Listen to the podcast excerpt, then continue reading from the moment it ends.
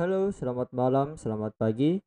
Kembali lagi bersama saya di podcast Forest Gentle Foundation. Pada kesempatan malam hari ini, pada kesempatan pagi hari ini, pada kesempatan hari ini, saya akan membawakan dhamma singkat, uraian dhamma singkat mengenai to give and to receive. Sebelum sebelum saya akan memulai uraian singkat, uraian dhamma singkat, Mari kita menyimak berikut ini.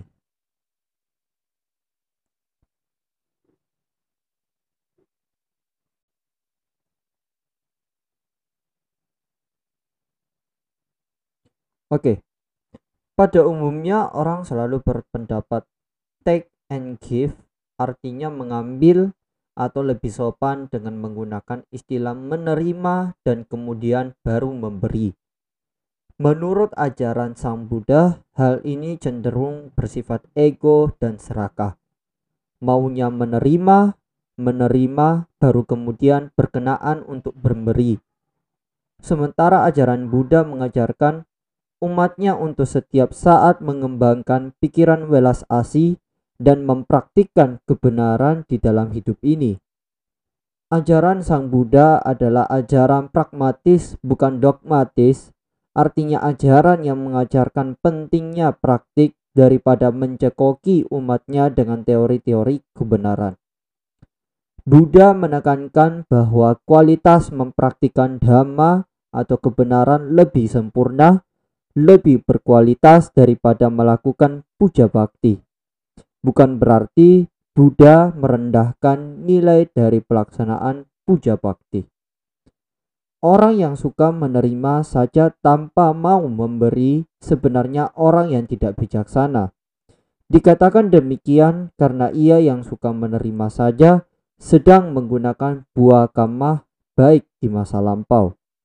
Sesungguhnya tanpa memberi akan terus mengurangi bahkan menghabiskan sisa kamah baiknya yang sudah ada.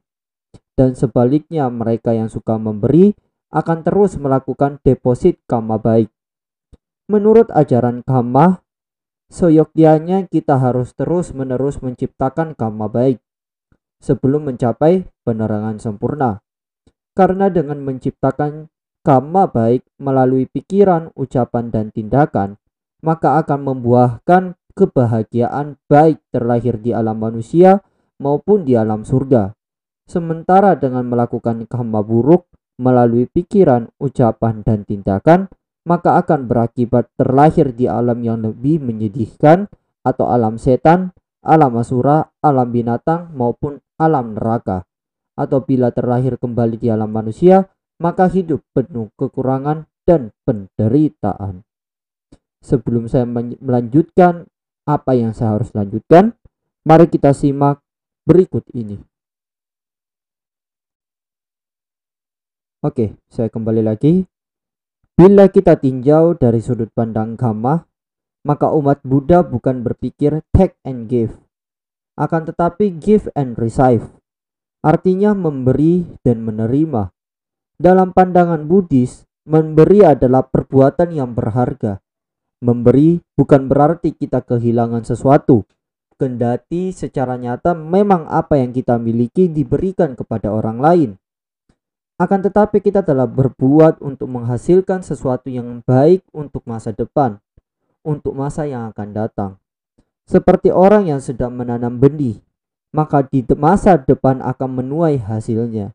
Contoh lain adalah bila kita melempar benda keras yang kecil ke dalam kolam baskom yang terisi oleh air, maka air tersebut akan menimbulkan gelombang dari benda keras yang menyentuh air tadi Kemudian gelombang tersebut dari titik awal akan menyebar ke tepian dan selanjutnya gelombang tersebut akan kembali ke titik awalnya.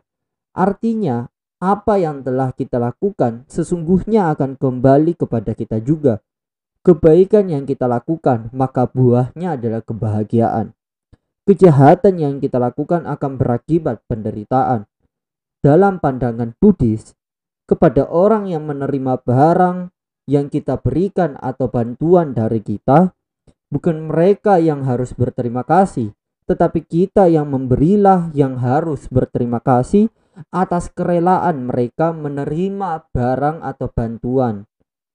Kendati pun mereka juga mengucapkan terima kasih kepada kita sebagai balas budi atas pemberian kita.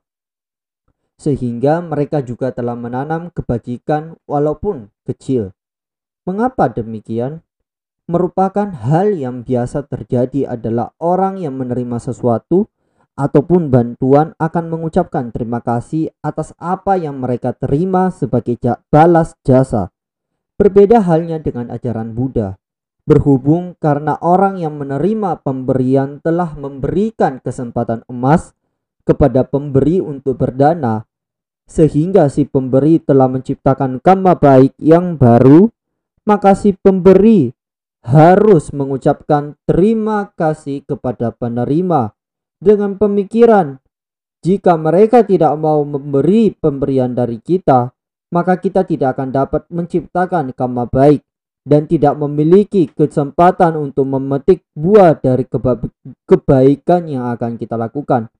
Oleh karena itu, umat Buddha mempunyai prinsip indahnya memberi. Maka kita seyogyanya terus-menerus memberi dan memberi. Sesuai dengan prinsip hukum karma, kendati kita tidak dapat berpengharapan dari apa yang kita berikan, kita akan tetap menerima hasil atau buah dari karma yang telah kita perbuat. Sesungguhnya orang akan menjadi mulia karena suka memberi. Sebelum saya melanjutkan, mari kita simak berikut ini.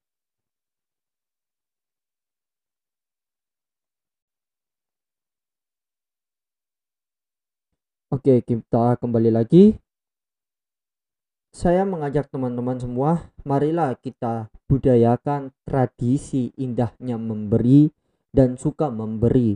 Bukan indahnya pahala dari suka menerima. Dengan mempunyai prinsip indahnya memberi, berarti kita telah mempraktikkan dhamma ajaran Buddha. Semoga dengan uraian dhamma yang singkat dan sekelumit ini akan membawa dampak yang besar bagi pemikiran kita Semoga akan membawa perubahan ke arah perbaikan diri bagi kita semua. Pengharapan kita adalah semoga semua makhluk berbahagia. Untuk kedua kalinya, pengharapan kita adalah semoga semua makhluk berbahagia selalu. Untuk yang terakhir kalinya atau ketiga kalinya, pengharapan kita adalah semoga semua makhluk akan tetap berbahagia selalu.